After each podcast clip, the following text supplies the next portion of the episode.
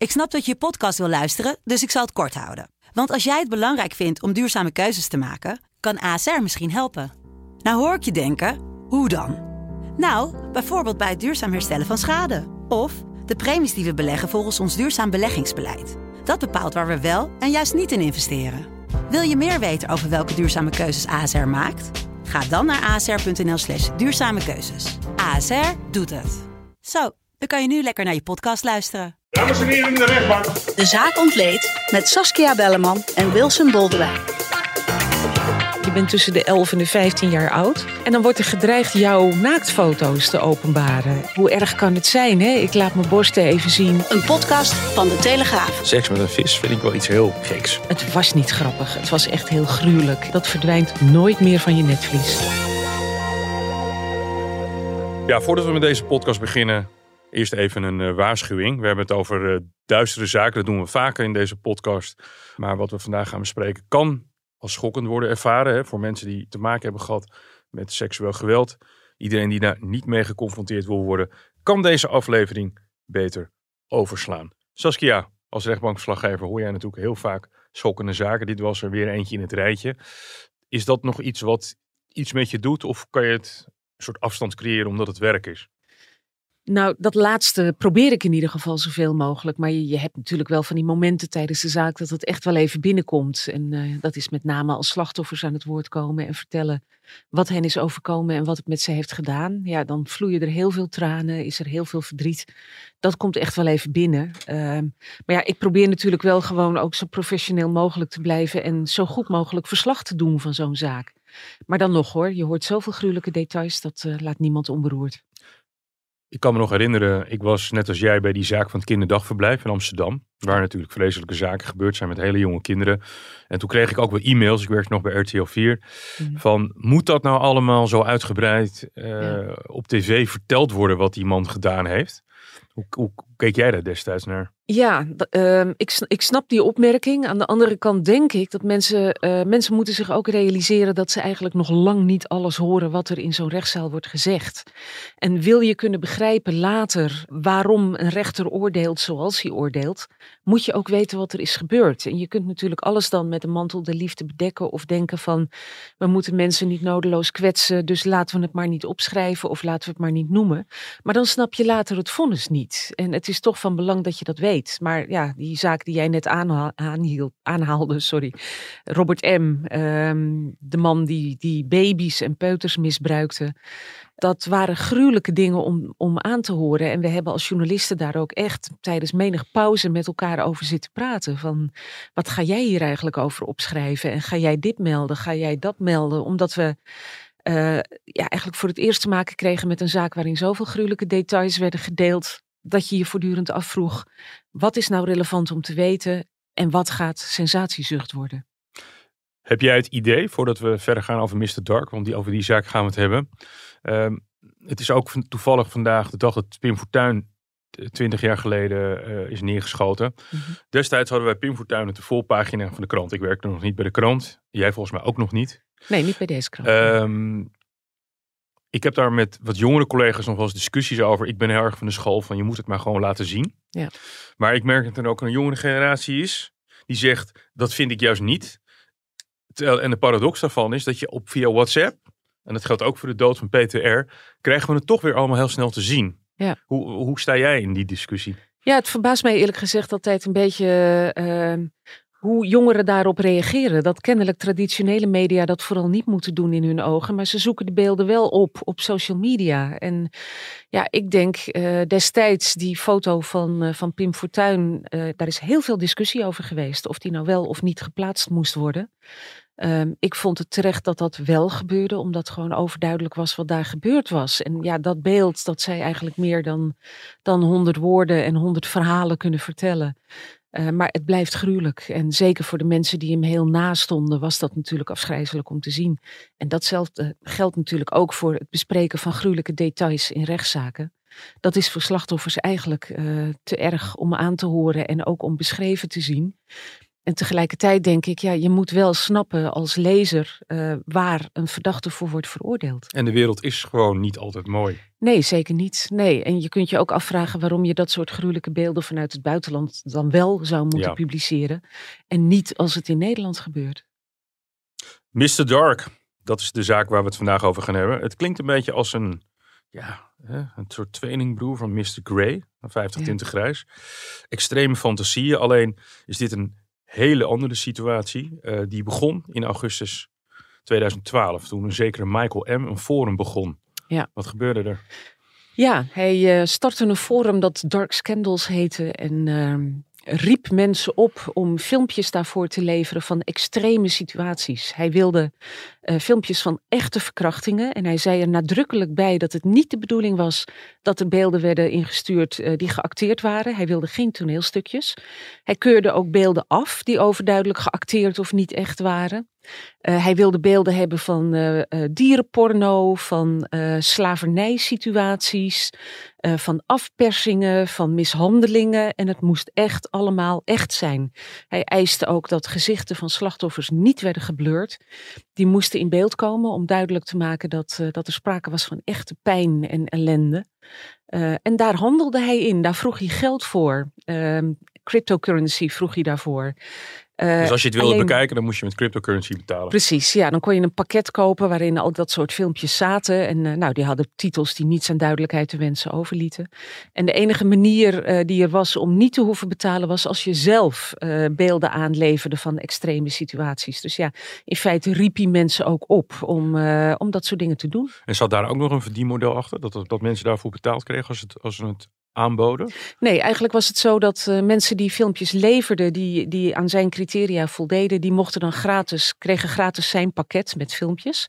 En hij verdiende vervolgens weer aan die nieuwe beelden, om, ja, die, die verkocht hij weer door in, uh, in nieuwe pakketten. Dus ja, het was een, een situatie die zichzelf in stand hield. Um, hij kreeg voortdurend nieuwe beelden aangeleverd, verdiende daar geld aan. En mensen die ze aanleverden, die mochten dan vervolgens de beelden die hij had uh, gratis, uh, gratis krijgen. En die site was sinds 2012 operationeel. Ja. ja. gek om te zeggen, maar was het een succes? Was het een succesvolle site? Weet je ja, er iets over? Helaas wel, ja. ja het, bleek, het bleek een markt voor te zijn. En ja, het, het akelige natuurlijk in, in, dit soort gevallen is dat die markt zich niet beperkt tot Nederland. Dat was echt een wereldwijde markt. Dus hij kreeg uh, filmpjes aangeleverd uit alle hoeken en gaten van de wereld. Maar daar zaten dus ook zijn klanten. Uh, die zaten ook overal ter wereld. En dat maakt zo'n onderzoek voor het Openbaar Ministerie natuurlijk ook knap lastig. Uh, omdat je niet precies weet waar die beelden gemaakt zijn, wanneer ze gemaakt zijn, door wie, wie het slachtoffer is, waar moet je die zoeken. Uh, dat maakte het allemaal heel ingewikkeld. Er waren ook beelden waar er seks was met dieren. Mm -hmm. En dan ging het om paarden, honden, katten en zelfs vissen. Nou kan ik me uh, sommige dingen nog wel voorstellen, maar seks met een vis vind ik wel iets heel geks. Uh, ik eerlijk gezegd snap, weet ook niet precies hoor, hoe die dan werden ingezet. Ja, het leidde op een gegeven moment op Twitter zelfs tot enige hilariteit. Mensen die er grapjes over begonnen te maken. Maar ja, als je dan midden in zo'n zaak zit en je hoort de akelige details, dan denk je toch van jongens, maak hier alsjeblieft geen grappen over. Want het was niet grappig. Het was echt heel gruwelijk. En ja, dan is zo'n element over vissen natuurlijk even iets waarvan je denkt, hè, hoe dan? Uh, maar leuk was het niet, echt niet. De beelden werden niet getoond. Hè? Een nee. beetje eh, als we onze vorige gesprekken nog even bijpakken waarmee we begonnen. Dat, dat is echt een keuze van de rechtbank geweest? Ja, nou, eigenlijk worden dat soort beelden nooit zomaar openlijk getoond in, uh, in de rechtszaal. En je moet ook beseffen dat sommige mensen via een livestream die zaak bijwoonden. Dan is het al helemaal lastig om te controleren wat mensen met die beelden doen. En daar staan natuurlijk gewoon slachtoffers op. Hè? Dus ja, je moet natuurlijk ook uh, zorgen dat hun privacy blijft gewaarborgd. En het is zo dat de rechtbank die heeft stils van die beelden in het dossier zitten. Er is ook een toonmap waarin de beelden zitten die, uh, als ze die willen zien, dan, dan kan dat. Uh, het Openbaar Ministerie, de officier van Justitie en de politie die, uh, die het onderzoek heeft gedaan, heeft ze natuurlijk wel allemaal moeten bekijken om te zien in hoeverre ze strafbaar waren. Uh, ja, dat zijn geen benijdenswaardige banen hoor, op zo'n moment. Als je dat soort beelden allemaal moet zien. Dat zei de officier van Justitie ook tijdens haar requisitor. Dat verdwijnt nooit meer van je netvlies. Hij was dus zeg maar een soort verzamelaar van, van vrij wrede seksuele filmpjes, verkrachtingen, et cetera.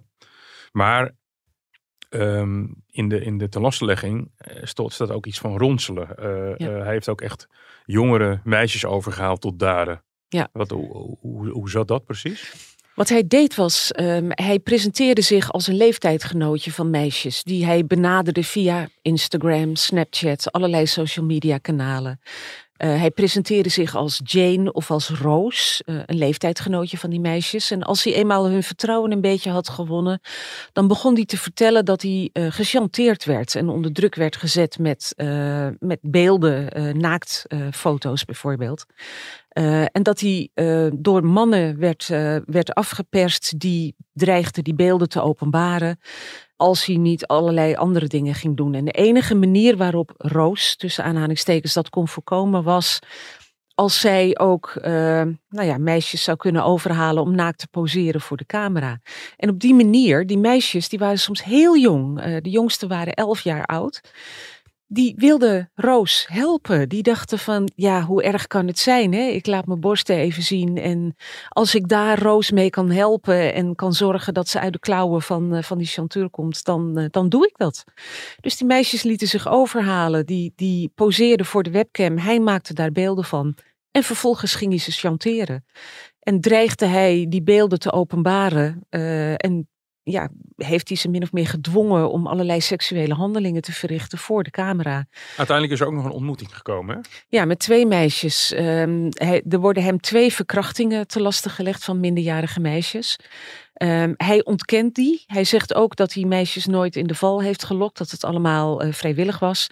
En uh, het ene meisje waar hij uh, seks mee had, uh, althans wat hij toegeeft, was, zegt hij, 16. Hij beweert dat hij daar ook op gewacht heeft totdat ze 16 was. En hij zegt dat het vrijwillig was.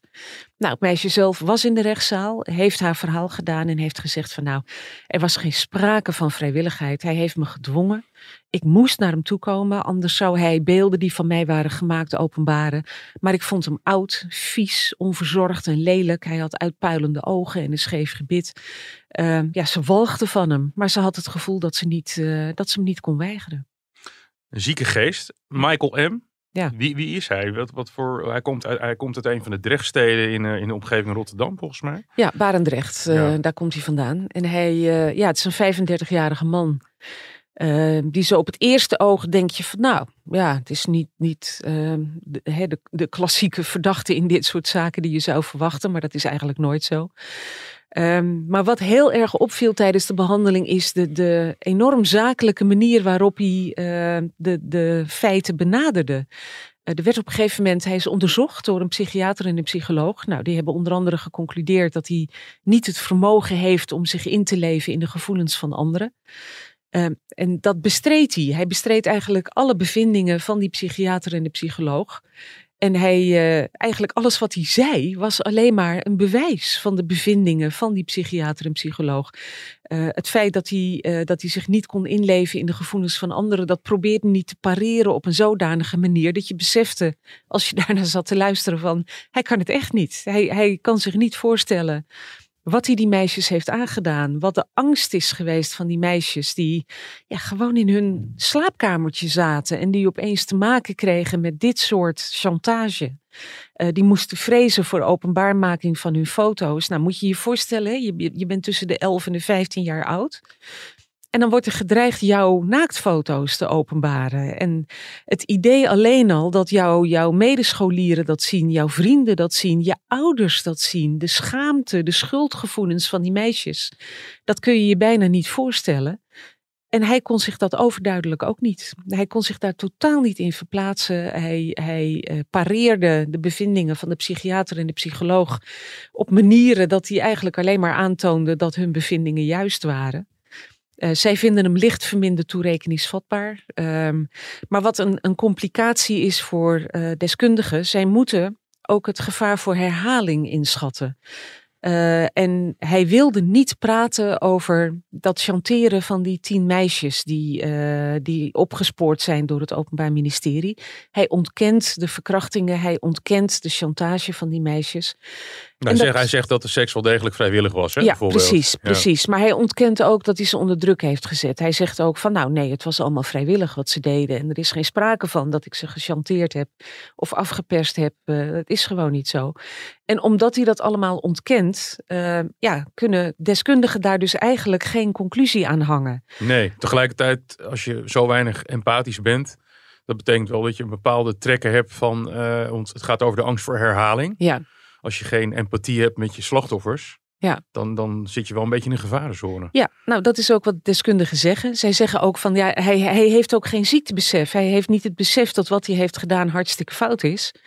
Eh, en als het waar is, hè, dat tweede deel van die telastenlegging, dat afpersen en dat chanteren van die meisjes. eh, en het verkrachten van twee tienermeisjes, als dat waar is, ehm, dan is dat gebrek aan ziektebesef echt een, een enorme eh, alarmbel, zeg maar. Dus zij zeggen van, je kunt een lichtere behandeling, zoals een TBS met voorwaarden, dat hij zich aan bepaalde voorwaarden moet houden, eigenlijk in zo'n geval niet opleggen, omdat hij het ontkent en zich dus ook niet aan die voorwaarden zal houden. En dat betekent dat dus eigenlijk alleen maar TBS met dwangverpleging is aangewezen. Maar dat konden ze niet heel onomwonden eh, adviseren, omdat hij het ontkent. Wat, wat voor man zat hij? Je zegt een 35-jarige man. Hij is volgens mij, volgens mij van Surinaamse afkomst. Want hij begon ook een. eh, hij wilde, het was in eerste instantie ook zogenaamd een, een Surinaams forum hè, over Ja. eh, Surinaamse nieuwtjes. Ja, wat hij zegt is eh, dat hij toen hij pas in Nederland was, eigenlijk moeite had om zijn leven op de rit te krijgen. En ook, ja, hij verdiende geen geld, hij had geen baan. En hij wilde een forum starten voor ja, gewoon algemene informatie over Suriname. Nou, dat is voor zover ik weet nooit van de grond gekomen. Hij is gewoon gestart met Dark Scandals en dat bleek een, eh, een prachtig verdienmodel.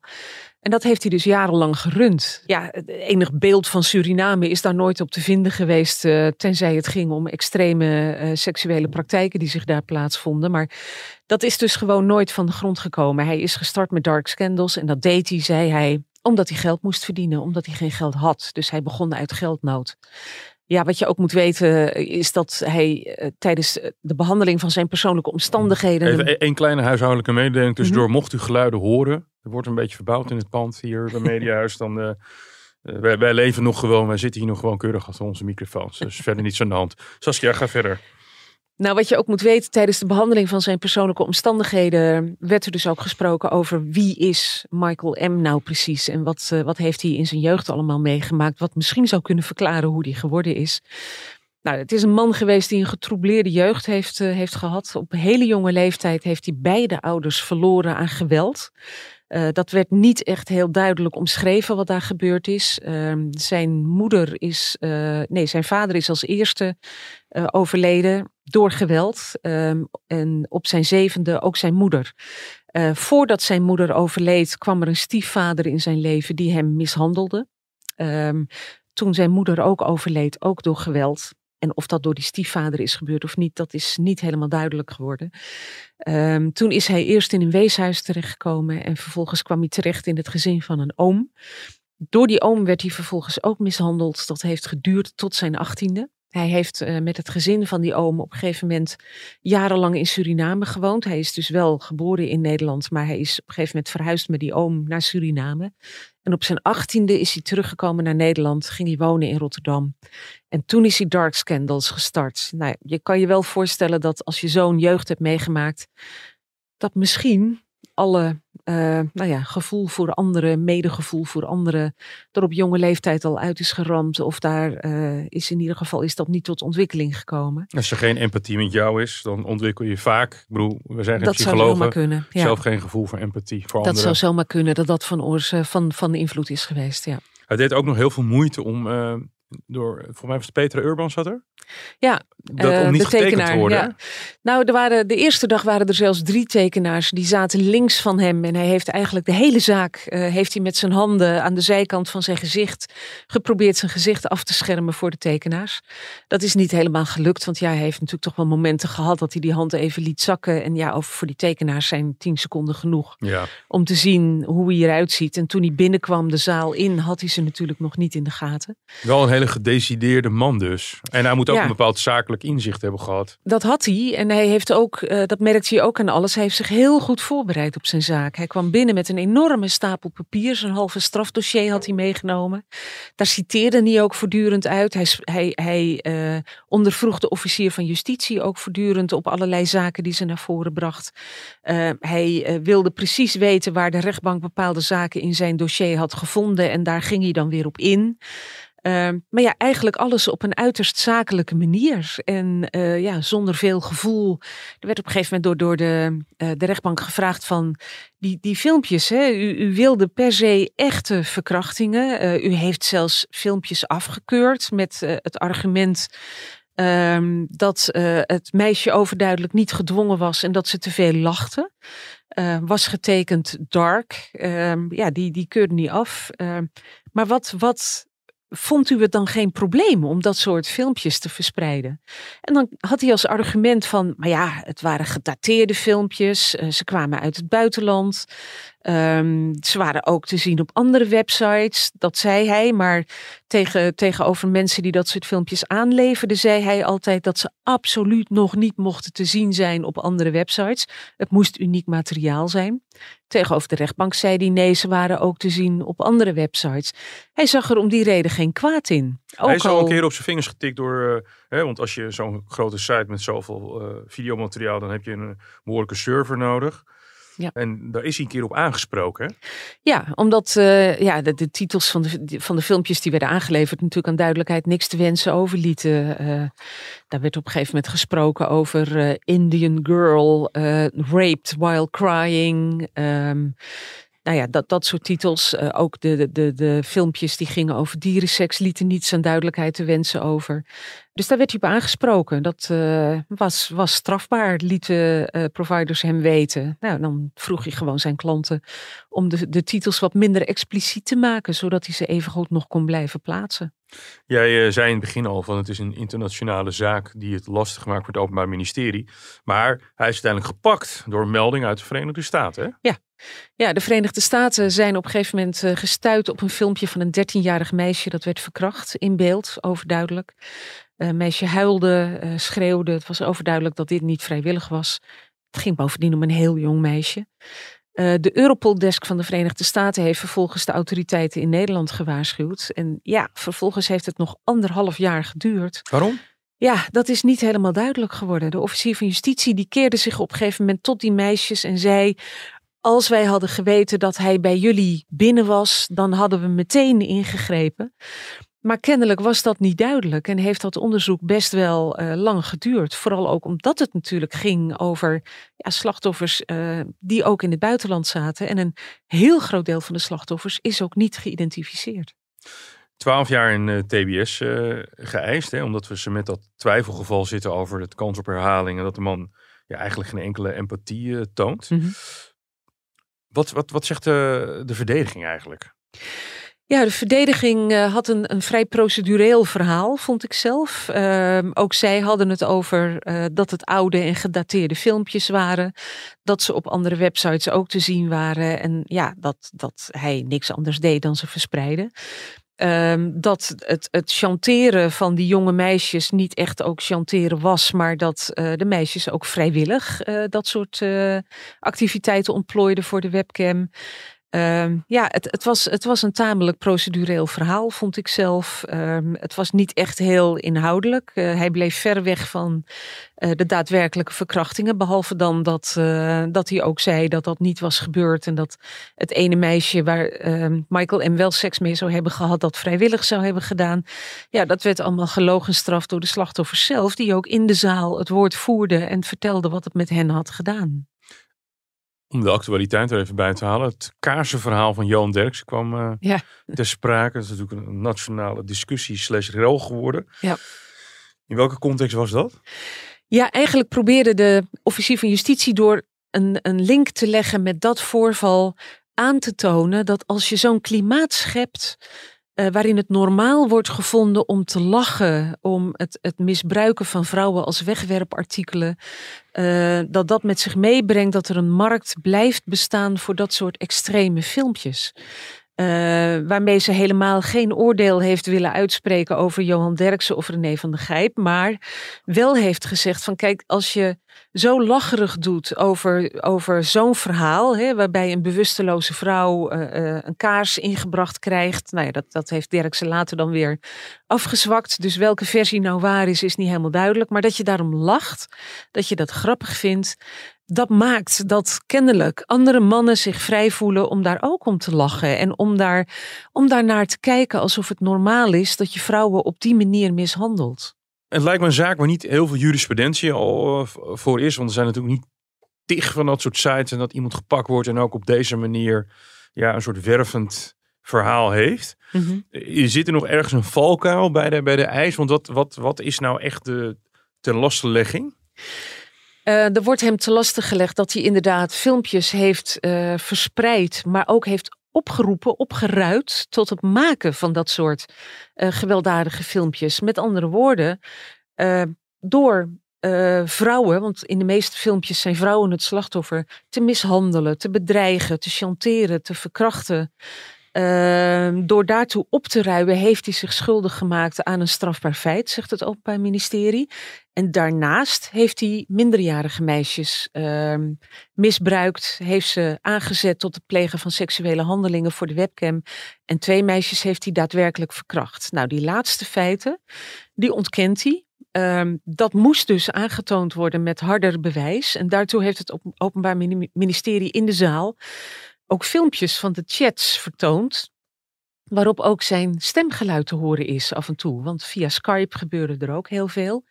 En dan kun je dus zien hoe hij sluipenderwijs, en dat kon je ook horen, die meisjes gewoon aanzetten tot het plegen van handelingen die ze niet wilden plegen. Ze probeerden er op alle mogelijke manieren aan te ontkomen. Ze smeekten, ze huilden, ehm, ze probeerden hem uh, af te leiden, maar ze ontkwamen er niet aan. En je, je ziet en je hoort hem in die filmpjes inderdaad dingen zeggen die, uh, nou ja, die de meisjes moest doen. Uh, en die ze nooit vrijwillig zouden hebben gedaan. Uh, hij bestrijdt zelf dat het zijn stem is die te horen is. Er is onderzoek naar gedaan. Er is, uh, ja, hoogstwaarschijnlijk is het zijn stem wel.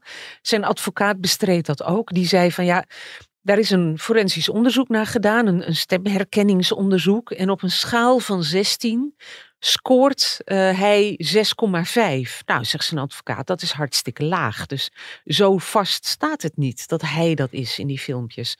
Nou ja, dat zou nog een valkuil kunnen zijn als de rechtbank zegt van wij zijn er niet helemaal van overtuigd dat hij dat is het zou nog iemand anders kunnen zijn, uh, dan, dan kan dat een, een probleem worden. Hij heeft daar in zijn eigen verdediging, uh, Michael M., ook heel erg de nadruk op gelegd dat het niet zijn telefoon was waarop bepaalde beelden en chats te zien waren.